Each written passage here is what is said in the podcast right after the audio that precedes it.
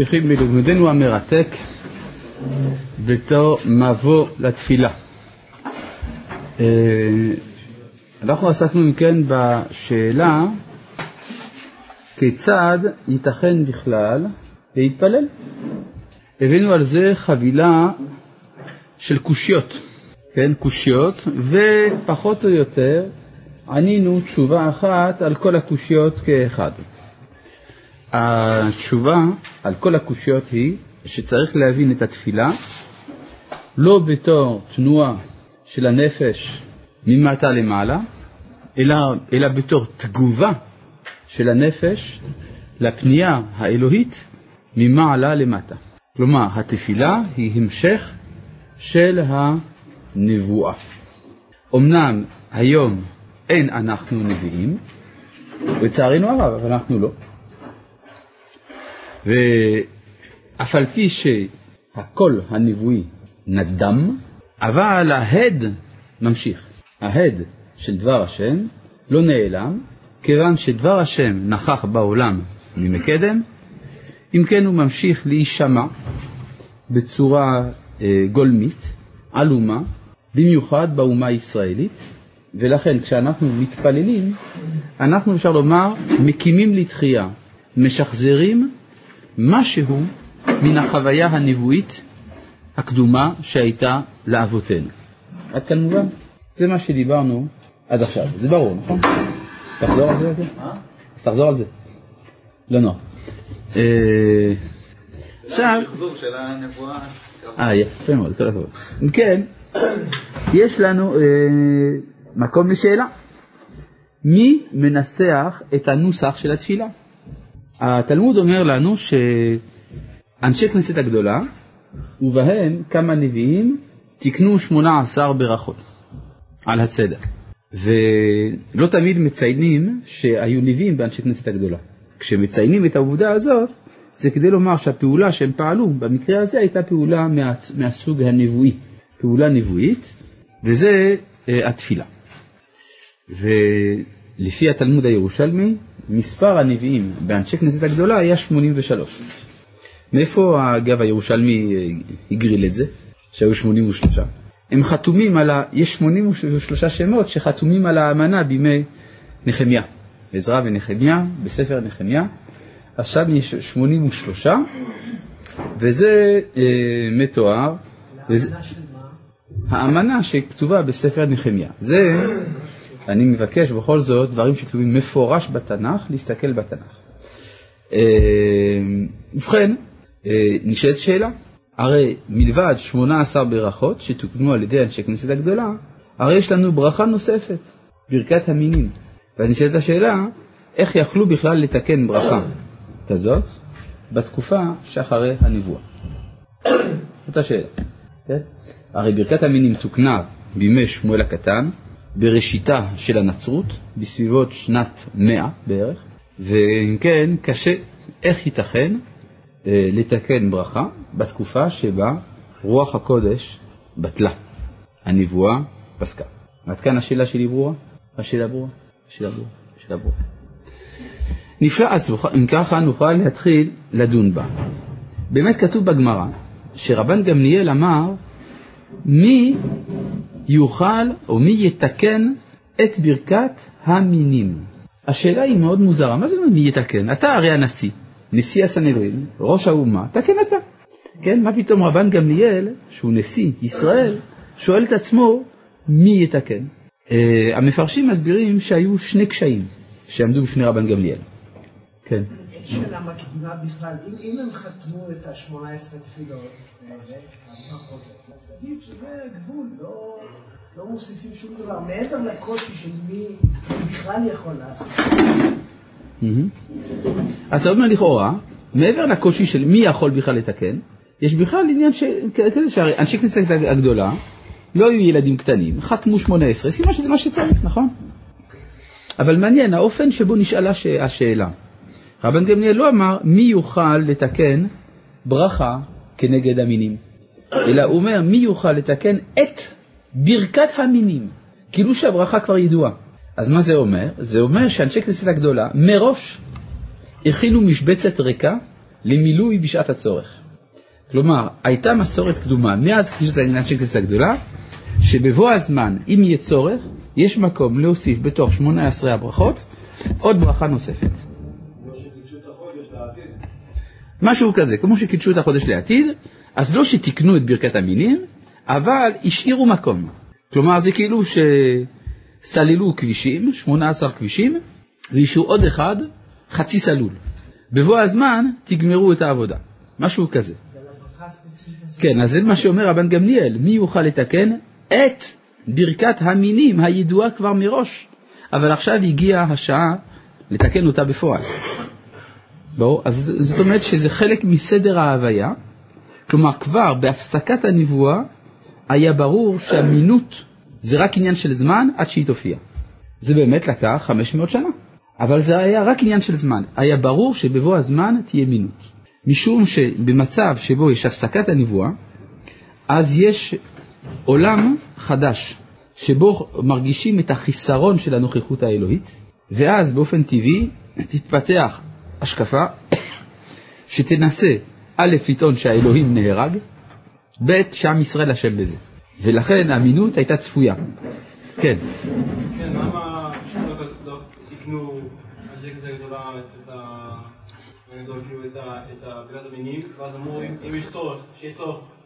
אתה אומר מדוע אנשי כנסת גדולה לא כתבו מראש את הנוסח וזהו, וכי זה אופציונלי, בשעת הצורך. כי אנשי כנסת הגדולה לא רוצים לכתוב דבר שאין צורך בו כעת. כלומר, זה גם בעיה, כי, וזה אחד הקשיים שיש בברכת המינים, שהיא ברכה של שנאה. כל הברכות האחרות הן ברכות של אהבה. תן לנו פרנסה, תן לנו דעה, תן לנו בריאות, תן לנו, תן לנו, תן לנו, דברים טובים. מה אתה מבקש בברכת המינים? תכסח להם את הצורה.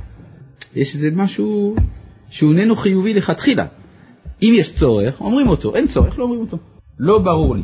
הרב אמר שרוח הקודש פסקה, אבל רוח הקודש לא פסקה, חלילה, אלא הנבואה הורחקה מאיתנו.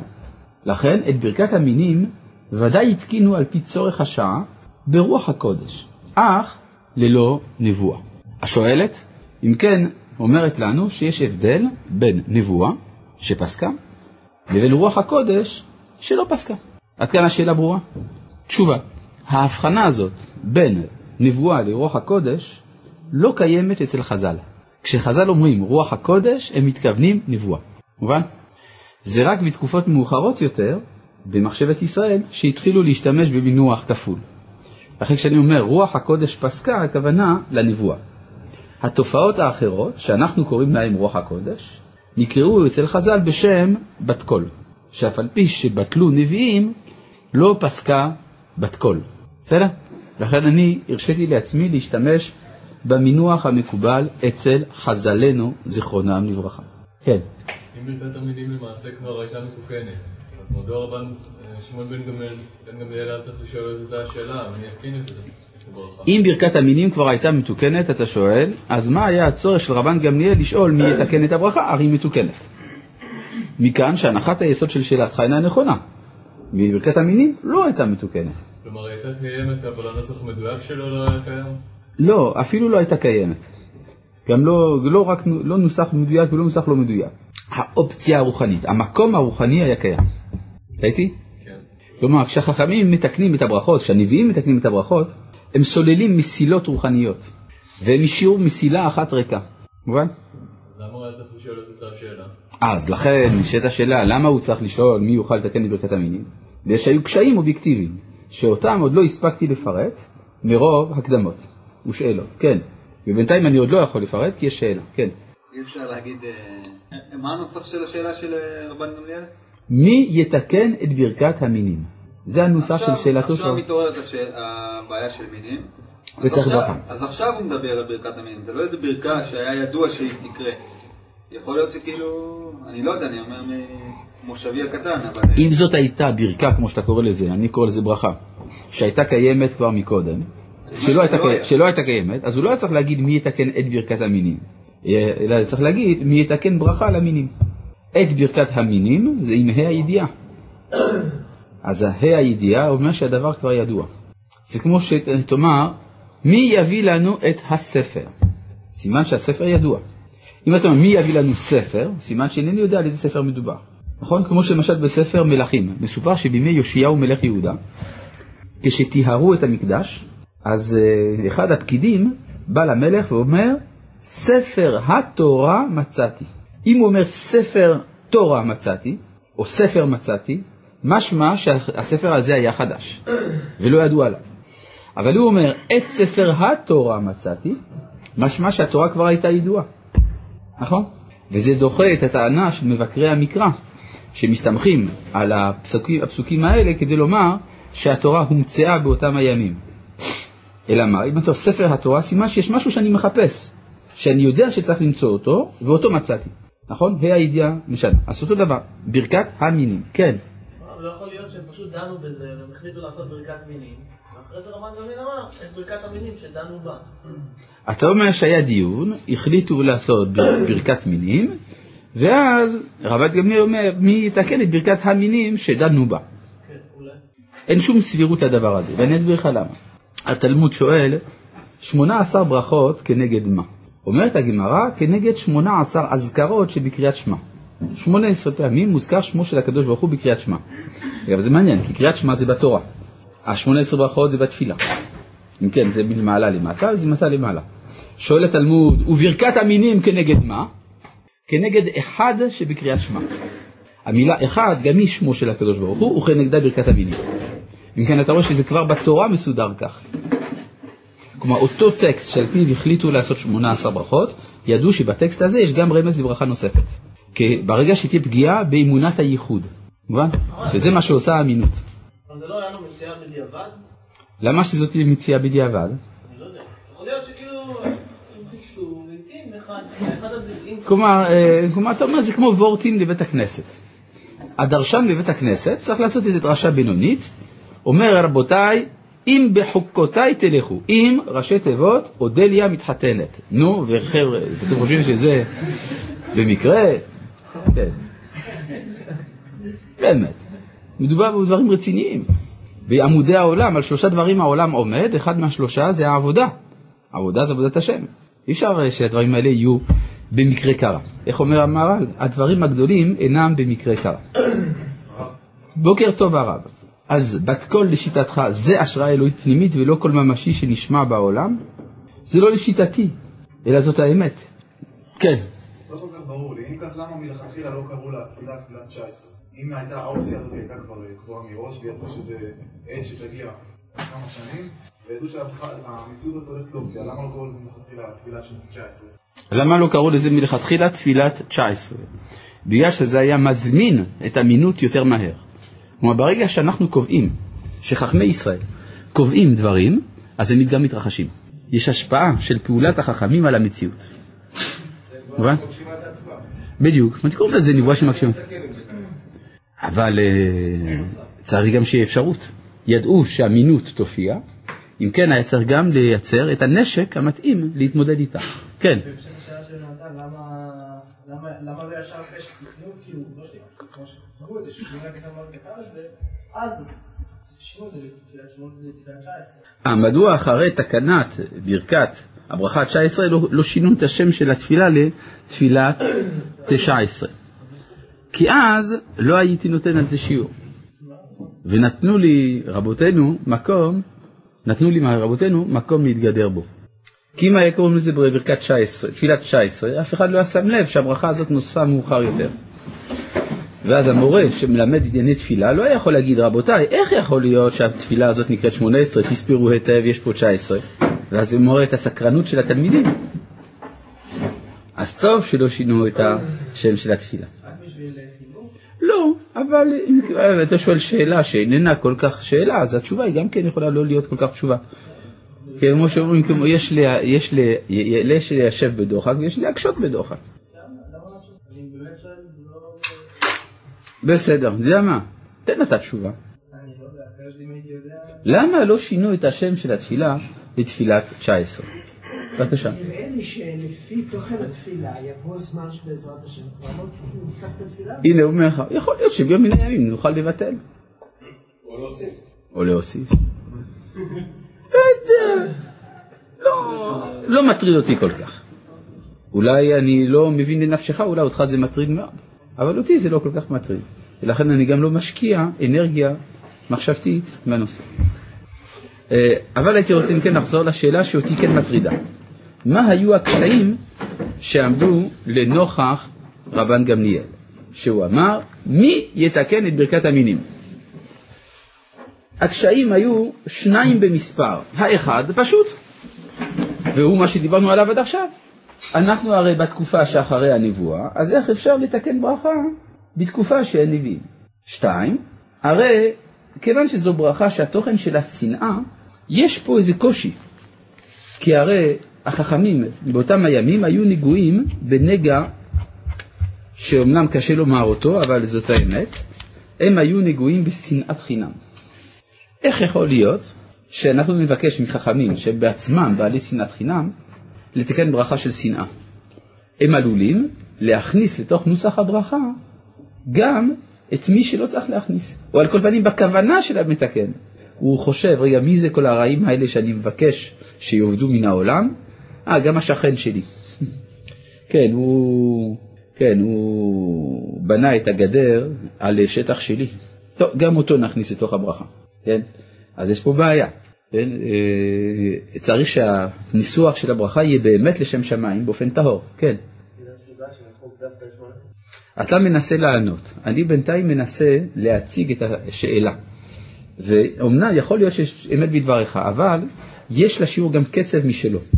הדברים נאמרים לאט מתוך הבנה שלא כל אחד מבין מיד, אלא יש צורך שהתלמידים יפנים. לכן אני מבקש לא לנדף תשובות לפני שאני מגיע בעצמי אל התשובה. בסדר, אבישי? טוב, בסדר. אם כן, היה בעיה של שנאת חינם שקיננה בדיבם של החכמים באותם הימים. כן, איך אומר הרב קוק? באגרות. באגרות ראייה חלק ב' באיגרת תקנה מפורסמת, תקנ"ה, ששם הוא אומר, הנה הביטוי של רבן גמליאל היה, כלום יש אדם שיודע לתקן ברכת המינים. אז למה הוא אומר? אה, אה, האם, כלום זה האם, כלום יש, האם יש. אה,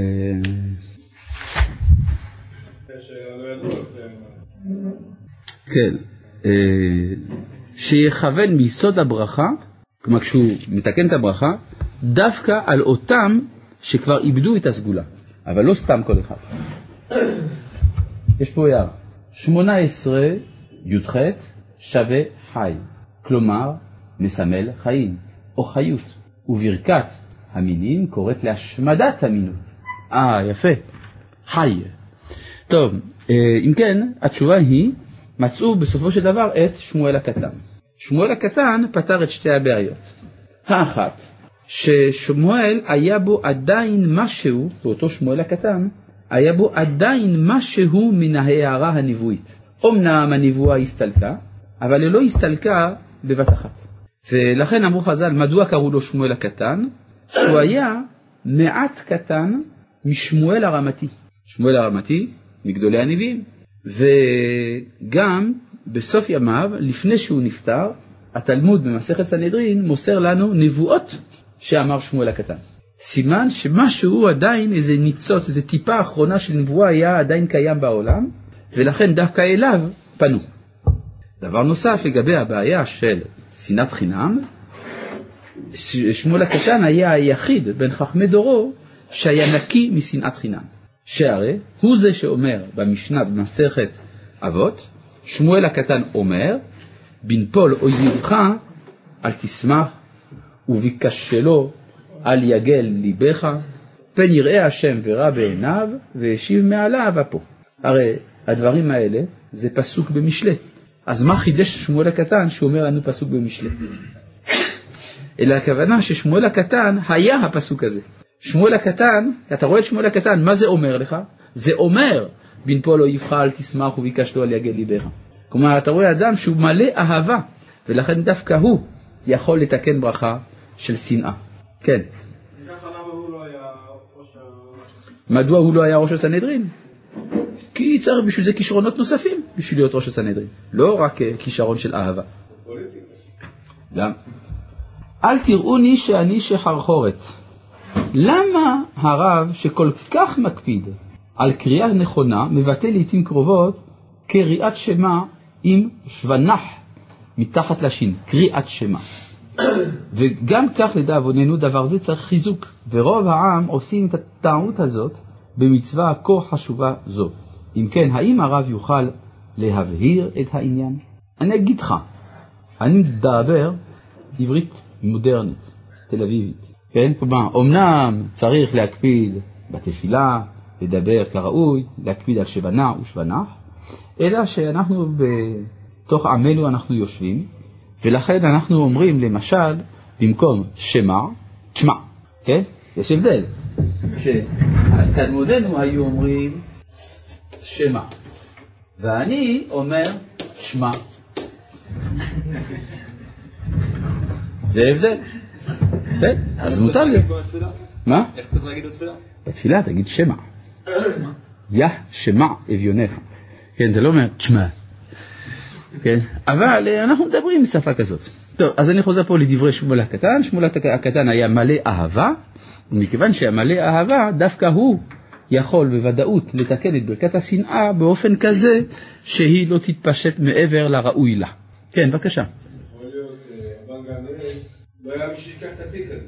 אבל זו ברכה של אף אחד נשאל כבר לחמה ובני רצה בתפקיד. הוא לא רצה בהתחלה. הקדוש ברוך הוא אמר לו, אני אסדר שיהיה כבי יעקב. אותו דבר אולי גם פה, לא היה מישהו מוכן לקחת את התיק הזה. להכניס אה, קללה בתוך הברכה. אתה אומר שרק היה בגלל שאף אחד לא רצה את התיק הזה של לקלל. אבל בוא נראה את הניסוח של השאלה של רבן גמליאל. הוא אמר, כלום יש אדם שיודע לתקן ברכת המינים. יודע לא כוונה שרוצה, אלא שיודע. כנראה שצריך איזו ידיעה מיוחדת. כן. על המינים היא ברכה כאילו שלילית, אבל זה על על דברים שליליים. אז למה הרב מגדיר את זה בתור ברכה שלילית? זה לא על דברים שליליים, זה על אנשים. על אנשים שליליים. אנשים שליליים, אנשים לכאורה, גם אם האדם הוא שלילי, האדם עצמו מצד צלם אלוהים שבו, הוא עדיין ראוי. כשאתה בא לכסח אנשים שנבראו בצלם אלוהים, אתה עושה פה מעשה שאתה יודע שהוא בא להרוס משהו. רעים.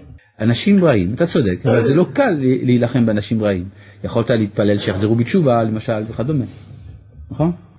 כמו שמצאנו למשל שברוריה דייקה, יתמו חטאים מן הארץ, חטאים ולא חוטאים. כלומר שהם, החטאים שהם עשו, הם יאבדו מן הארץ, אלא צריך שהם יחזרו בתשובה. פה אתה לא מבקש שהמינים יחזרו בתשובה. כי הסכנה הייתה כל כך גדולה, שלא הייתה לנו ברירה אלא להשמידם, לא להיות בעלי סבלנות. כן? אז זה לא פשוט דבר כזה. כן. על כל פנים, כן, אנחנו רואים גם עוד דוגמה לזה שהתפילה היא נבואית ביסודה. זה בשביל זה שאני הבאתי לכם את הדוגמה הזאת.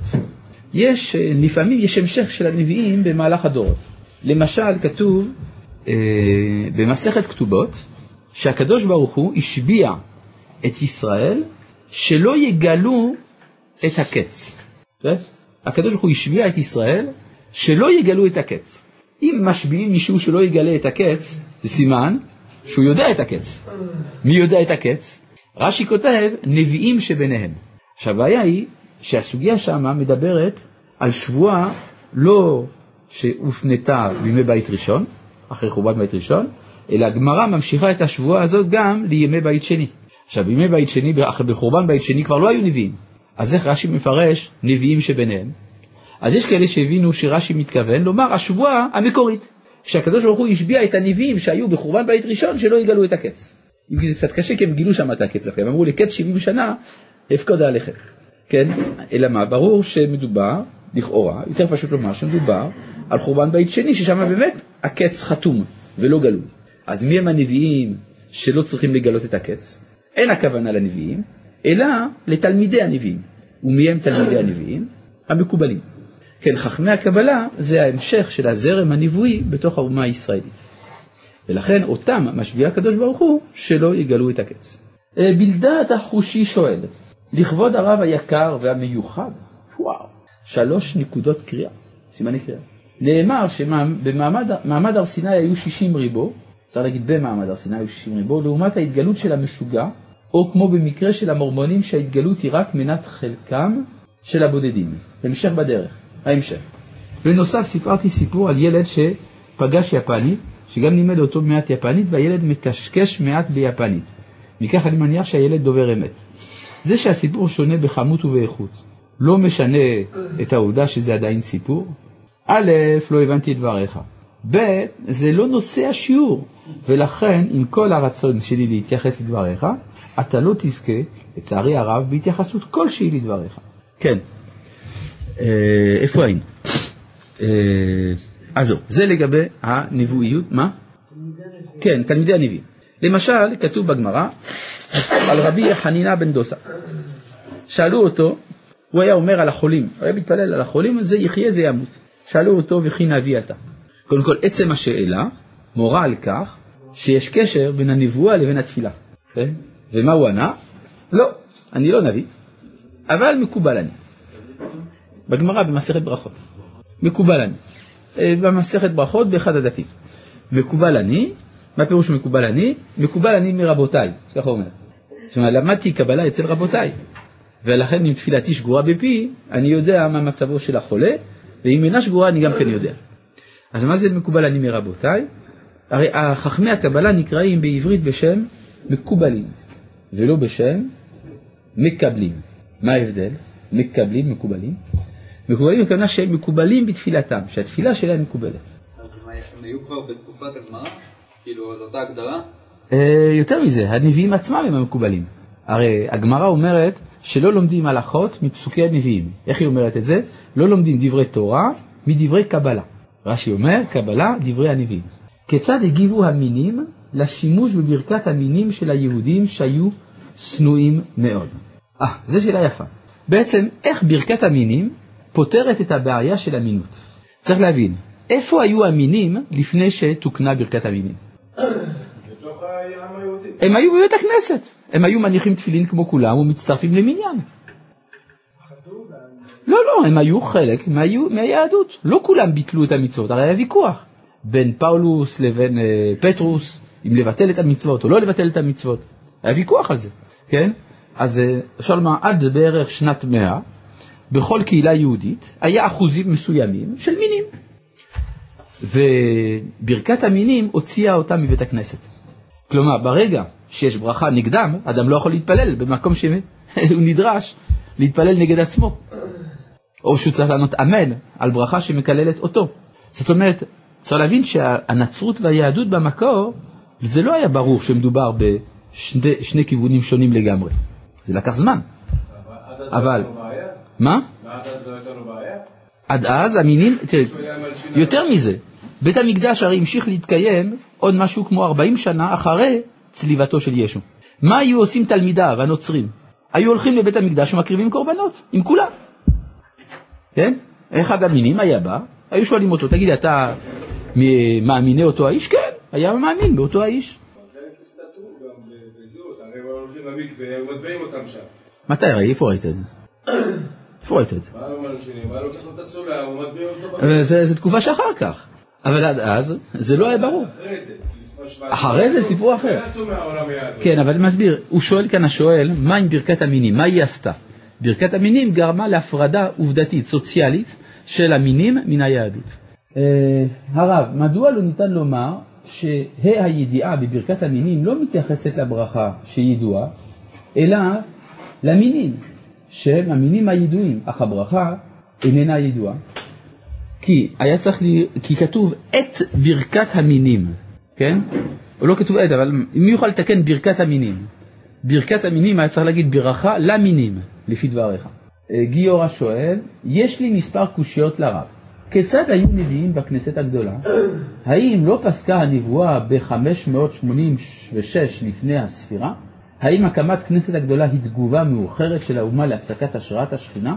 בתודה ובברכה, גיורא. הנחת היסוד שלך, גיורא היקר, היא מוטעית לחלוטין. הנבואה לא פסקה ב-586 לפני הספירה. ב-586 לפני הספירה זה חורבן בית ראשון. אבל הנביאים המשיכו להתקיים גם אחרי החורבן, הלו הם ירמיהו ויחזקאל, ואחר כך דניאל, ואחר כך עזרא ונחמיה, חגי, זכריה ומלאכי, שחיו עוד בשנים הראשונות של בית שני. במשך כ-40 שנה של בית שני עדיין היו בתוכנו נביאים. אמנם לא במדרגה של הנביאים של ימי בית ראשון, אבל נביאים היו, וזה בדיוק התקופה של אנשי כנסת הגדולה. לכן אני מבין את שאלתך כלל וכלל. חוץ מזה שיש לציין שמה שאתה אומר, 586, זה לפי הספירה המקובלת אצל ההיסטוריונים היום, אבל אין זה תואם כלל וכלל את המניין של חז"ל, אבל זה נושא לשיעור בפני עצמו. עד כאן ברור? טוב. עכשיו אנחנו יכולים, מתוך כך, לגשת לשאלה. עכשיו אנחנו פחות או יותר סיימנו את הנושא הראשון, שזה הנבואיות של התפילה. יש שאלה, אבישי? לא. עכשיו אני רוצה להתייחס עכשיו לנושא חדש. מהי החוויה שמתוכה אני יכול להתפלל? ששזפתני השמש, ייתנו חטאים מן הארץ. השט בדגש חזק, חטאים. לכן הכוונה על חוטאים מקצועיים. אם כן, אין מקום לשאלתה של ברוריה. וכי ברוריה שהייתה תלמידה חכם מופלגה, לא ידעה דקדוק בסיסי. ברור.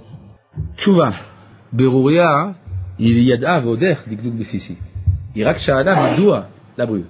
הכתוב לא השתמש בביטוי חוטאים, אלא השתמש בביטוי חטאים, שאם אני לא מנקד, אינני יכול לדעת כיצד מבטאים אותו. אין זה אלא שהכתוב רצה גם לרמוז למשהו, שאנחנו רוצים שיטמעו החטאים. ברור, החטאים, לא רק החטאים. כן, אבל זה חוטאים מקצועיים, כן? חטאים. זה הכוונה. אבל ברור שעל המינים היא לא התכוונה. על המינים אנחנו כן מתפללים שיאבדו. הרי ברוריה גם אמרה את ברכת המינים. בסדר. אה, כן? אה?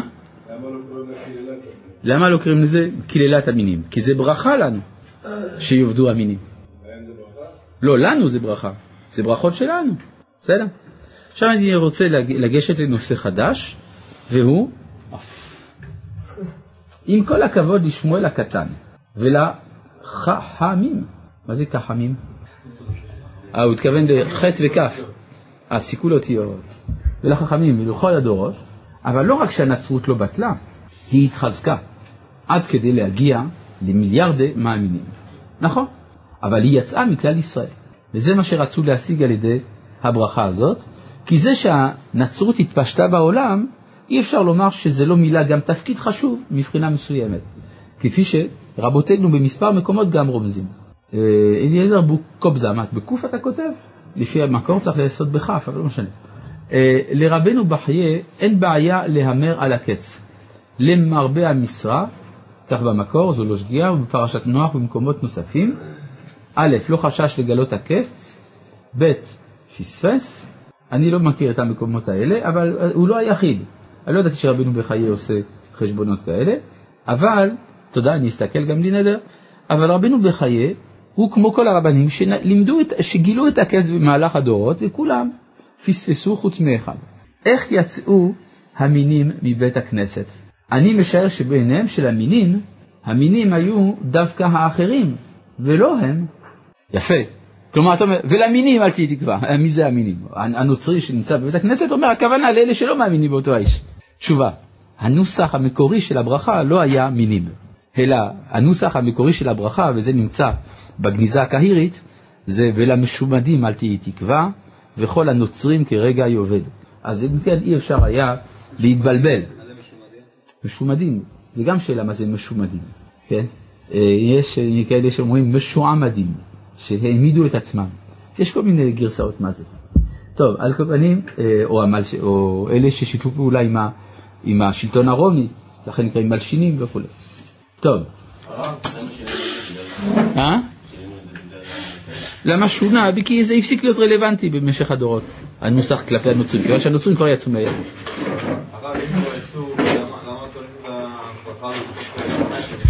הברכה הזאת מכוונת נגד כל מי שעונה על ההגדרה של מינים.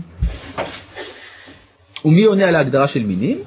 יש על זה מאמר של הרב קוק, שבו הוא מסביר שכדי לחשב בין המינים צריך שני דברים. שנאת ישראל בכוונה ושנאת ישראל בפועל. כלומר, הוא צריך לשנוא את העם היהודי בכוונה ובמעשה, כאחד. אבל אם הוא רק שונא בכוונה, הוא רק עושה פעולות שהן רעות לעם היהודי, אבל לא מתוך כוונה רעה, הוא כבר לא בכלל המינים. במה שונה הפרדת הקהילות של רבן גמליאל עם ברכת המינים לבין הפרדת הקהילות שנעשתה בגרמניה כנגד הרפורמים. השאלה היא לא על הונגריה, אלא על גרמניה. בסדר? אתה צודק שהרעיון של הפרדת הקהילות התחיל בהונגריה, אבל הוא אחר כך עבר ייצוא, והגיע גם לפרנקפורט, על נהר מים.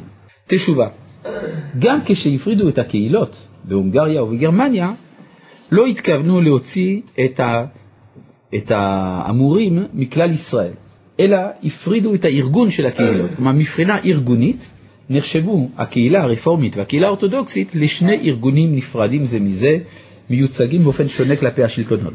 אבל לכולי עלמא ברור שאם אחד מהרפורמים היה נותן קידושין לאישה אורתודוקסית, הייתה מקודשת. שמואל הקטן גם הדגיש עניין בנפול אויבך אל תשמח. בימים אלו, כשהיוונים והארמנים אוכלים אחד את השני ומתבזים תוך כדי, מותר לחכך ידיים בהנאה? כן, תהנה, אם אתה כל כך אוהב את זה. כן, בבקשה. מי זה היה אחד שלא פספס את הקץ? אה, מי זה שלא פספס את הקץ? הגאון מווילנה. שהוא הסביר שהגאולה תהיה בשנת 1948, וזה יתקיים. מה אפשר לעשות? הוא לא פספס, כל האחרים פספסו והוא לא. מה? זה הקץ, זה הגאולה. מה זה הגאולה? הגאולה שאתה יוצא מעבדות לחירות, זהו, זה היה.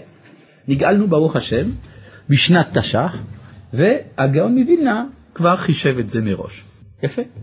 רק שהוא כותב, מה? איפה רואים? כי הוא כותב את זה בעצמו. רק הוא אומר, הנני משביע את הקורא באלוהי ישראל שלא יגלה את זה. אבל מה זאת אומרת? כי הוא לא כותב את זה במפורש, הוא אומר איך לחשב. הוא אומר איך לעשות את החישוב. הוא אומר לפי זה תדע. ובירושלים היו כמה מתלמידי הגר"א שידעו את הסוד. מה? כולם מסכימים עם זה שהוא חושב שזה נכון? לא יודע, אבל הקדוש ברוך הוא מסכים, כי הרי עובדה שהוא הקים את המדינה, כי הרי הקדוש ברוך הוא הרי הביא את הגאולה ב-48, אז אם כן, לפחות הקדוש ברוך הוא מסכים עם הפירוש של הגר"א, כן? אבל האחרים, בסדר, יש, יש אנשים שלא מאמינים בדברי תורה, אבל הקדוש ברוך הוא הביא את הגאולה בשנת 1948 לספירה הנוצרית, וזה אכן קרה. כך שהקדוש ברוך הוא פסק כדעת הגר"א, בסדר? אה, אגב, היו שני, אמרו שהיו שני תלמידי חכמים בווילנה, שאחרי פטירת הגר"א גילו את הדבר הזה ומתו תוך יומיים. לא נעים. כן. יש קהילות שאומרות ולמשומדים אל תהיה תקווה. יכול להיות, יכול להיות. אני לא מכיר את כל הנוסחים. איזה קהילות? בתימן אומרים ולמשומדים? אומרים. כן, טוב, יש כמה, מן הסתם יש עוד כמה קהילות פה ושם, הרי יש הרבה נוסחים שרק קהילות קטנות אומרים אותם. אולי בנוסח יהודי איטליה גם, יכול להיות. כן, קהילת בני רומא. כן. טוב, אה, עכשיו אני רוצה לעבור לנושא חדש. אה, לא. אה, זה לקח בערך שמונה דקות ממה שאני אמרתי שאני רוצה לעבור לנושא חדש. בינתיים היו פה שאלות. הנושא שהייתי רוצה לדון בו זה השאלה מהי החוויה שמתוכה אני מתפלל. אני אגיד את זה אחרת. אדם אומר שהוא מתפלל. וואה. אין מה לעשות. עדיין מתייחסים לנושא שדובר עליו עד עכשיו. מה מקור המילה מינים? והאם היא הייתה בגדר עלבון מהרגע הראשון שנעשה בה שימוש? האם גם הנוצרים הסכימו לקרוא לעצמם מינים? זאת באמת שאלה. יש uh, טוענים שהמילה מינים היא על שם, ה, uh, על שם הפרסי, מאני. אז אם ככה, הם לא, זה לא מילת גנאי. אבל קשה מאוד לדעת. יש אומרים מינים, כוונה מין בפני עצמו, סוג. כאילו שאתה אומר איזה סוג אתה, כן? או מאמין ואינו מאמין. אז קשה לדעת. זה הכל השערות שעליהן נכתבים דוקטורטים כדי לתת פרנסה ליהודים. מהמינים יצאו הנוצרים. האם בימינו אנו מתפללים שכל הנוצרים יתאדו? לא. המינים מדובר על הכת היהודית. כלומר, כשאנחנו מדברים על המינים, מדברים על יהודים, לא מדברים על גויים. אם כי, יש בין הגויים האלה כאלה שרוצים להעביר אותנו על דתנו. הלא הם המיסיונרים, ובוודאי שהם בכלל הברכה הזאת. מדוע שלא נתפלל שטובת אמינות, אלא המינים עצמם? למה שלא נתפלל שטובת אמינות והמינים ישובו ליהדות, כמו עם החטאים והחוטאים? משום שאמינות חריפה מדי, בכדי שנגלה כלפיה סבלנות. הסכנה שהייתה בימי רבן גמליאל הייתה כל כך גדולה, שלא הייתה ברירה אלא להתפלל על אובדן המינים עצמם. אם הגאולה אכן הייתה, מה עוד צריך לצפות? למה הרבה אומרים תמיד לגאולה במהרה בימינו אמן? טוב, אם הגאולה אכן הייתה, מה עוד צריך לצפות? צריך, צריך לצפות, אני פשוט קורא לפי הנוסח שכתוב כאן, יכול להיות שאני לא יודע עברית. א' ור' במקלדת סמוכים זה לזה. זה תירוץ יפה. אבל יש מה לעשות, מה שאפשר לעשות, לפני שאדם שולח, הוא בודק את מה שהוא שולח. אני יכול להעיד על עצמי שכשאני שולח מייל, אני משתדל, לא אומר שתמיד אני מצליח, לקרוא מחדש לפני שאני שולח, דווקא בגלל הבעיה הזאת. ואז אני גם מתקן אם יש צורך. צורך, סליחה. אה, אז אם הגאולה אכן הייתה, מה עוד צריך לצפות? צריך לצפות לגאולה שלמה, להשלמת הגאולה. כי הרי הגאולה זה לא הכל. צריך גם לבנות בית המקדש, צריך גם שלא יהיה מלחמות, צריך גם שנתיישב בכל ארץ ישראל לכל מלוא גבולותיה, צריך להשיב את הנבואה, צריך שלום עולמי, צריך שיהיה טוב. הרבה צרות יש עדיין, בעולם כולו. אה, ולמה הרבה אומרים תמיד לגאולה במהרה בימינו אמן? כי יש אנשים שבצהריים מתפללים שיעלה השחר. טוב, אם לשמואל הקטן היה צורך בנבואה כדי לנסח את הברכה, איך שינו אותה במהלך הדורות לנוסחים מנוסחים שונים? האם גם על המשנים שרתה רוח הקודש? א', יכול להיות שגם על המשנים שרתה רוח הקודש, כמו שאנחנו רואים שיש כמה נוסחי תפילות, נוסחי ברכות שונים לפי העדות. ובכל עדה ועדה יש תתי נוסחים גם כן. אז ייתכן גם שיש גם פה רוח הקודש והתאמה לרוח אותה העדה. אבל נוסף על כך, יכול להיות ששרתה על המשנים גם אימת הגויים, אימת הצנזורה. כן. אם היא כזאת חמורה ועשתה נזק כזה גדול לעם היהודי, למה לא ישבו עליה וביערו אותה כמו עבודה זרה? אם המילות כל כך מסוכנת, מדוע לא חיסלו אותה פיזית, כמו לעובדי עבודה זרה? תשובה, לא היה לנו כוח. היה לנו אחד שכן ניסה, זה המלך אגריפס הראשון. המלך אגריפס הראשון, הוא באמת הוציא להורג כמה מהשליחים, תלמידי ישו. אבל אה, עובדה, לא כל רדיפה מצליחה. ניסינו, לא הלך. אפשר לעשות. אה, טוב, עכשיו שסיימנו את הנושא של אה, האופי הנבואי של התפילה, הייתי רוצה עכשיו להגיע לנושא חדש, והוא, מהי החוויה של התפילה? שהרי אדם אומר שהוא מתפלל. מה פירוש הדבר שהוא מתפלל? שהוא עומד לפני הבורא. ואז השאלה היא, האם יש לי איזושהי ודאות, איזשהו סימן, כאשר אני מתפלל, שאני עומד לפני הקדוש ברוך הוא. אולי אני רק משלה את עצמי. אולי זה סתם איזשהו טיפול פסיכולוגי. כלומר, יש לאדם, וכאן אני כאן אצטט לכם מספר טענות של מבקרי הדת. כן, מבקרי הדת טוענים שהתופעה הדתית, והוא במרכזה התפילה, אינה אלא ביטוי של תסביכים נפשיים. למשל, יש לאדם מרירות נפש. מדוע? חסר לו משהו. הוא היה מאוד רוצה משהו, והוא לא קיבל. כיוון שהוא לא קיבל, הוא מר. את המרירות הזאת הוא מוציא החוצה, מבטא אותה, והוא סבור שהוא עומד לפני האלוהים. אפשר להגיד לאדם, תשמע, מר לך על זה שאין לך לחמניה, אל תטריד את ריבונו של עולם, תלך תעבוד, ואז יהיה לך כסף, ותקנה לחמניה. כלומר, המרירות שלך, מניין לך שהיא מפגישה אותך עם הבורא. יותר מזה, ייתכן שזה שאין לך לחמניה, דווקא זה רצון השם. כלומר, ההחלטה שלך, שבגלל שלך רע, אתה רשאי מתוך כך לחשוב שאתה עומד לפני הבורא, היא בהחלט לא ברורה. זה אפשרות אחת. אפשרות שנייה, שיש לאדם רגשות אשמה. רגשות אשמה זה דבר מצוי. כל אדם, בשלב זה או אחר של חייו, חוטא כלפי מה שהוא מאמין בו, כלפי מה שהוא מחויב כלפיו, ולכן הוא חש רגש של בושה, רגש של אשמה.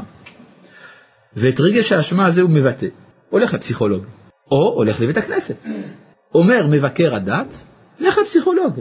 מי אמר שבגלל שאתה עם רגש של אשמה, אתה עומד לפני הבורא?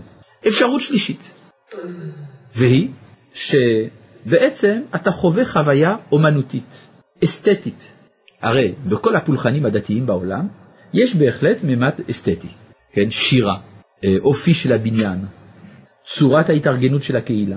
כל הדברים האלה מעבירים איזושהי חוויה של היטהרות, קוראים לזה קתרזיס, כן? היטהרות. מה אדם עובר חוויית שמע, זה היה אדיר. בסדר, יכולת ללכת למופע של זמר, ובמופע הזה אתה מוציא החוצה את כל הקליפות, מתטהר מכל הרעלים, זה יפה מאוד, אבל מי אמר שהחוויה הזאת שאתה חווה, ההוד וההדר שאתה מרגיש מול הקניון הגדול של הקולורדו, זה פגישה עם אלוהים, זה פגישה עם ההדר שבטבע. זו בעצם איזו מין חוויה פגאנית, אבל זה לא מפגש עם מי שאמר והיה העולם. טענה רביעית, אולי בכלל כל מה שאתה מכנה מפגש עם הקדוש ברוך הוא, אינו אלא ביטוי של חרדה. כן? היה גוי אחד בשם סרן קירקגור, כתב ספר חיל ורעדה, שבו הוא מבאר כיצד התחושה של האדם שיש ערעור של האישיות שלו כולה על ידי מפגש עם האינסופי, על, על כל פנים על ידי העלאת הרעיון של האינסוף, זה בעצם מערער את כולו, וזהו התמצית של החוויה הדתית. כן? זה מה שטען קירקגור. ואז יוצא שבעצם כל החוויה הדתית, מה שמכונה, מה שעוסקים בו בפנומנולוגיה של החוויה הדתית, בעצם אינו אלא סוג של בלוף. אני צריך לדעת אם אני עומד לפני הבורא או לא. בוא. היה גוי אחד, רודולף אוטו, כתב ספר הקודש, הקודש דס הייליג בגרמנית. ושם הוא אמר, הוא חקר הרבה מה זה החוויה הדתית. והוא אמר שתפילת כל נדרה של היהודים זה החוויה הדתית.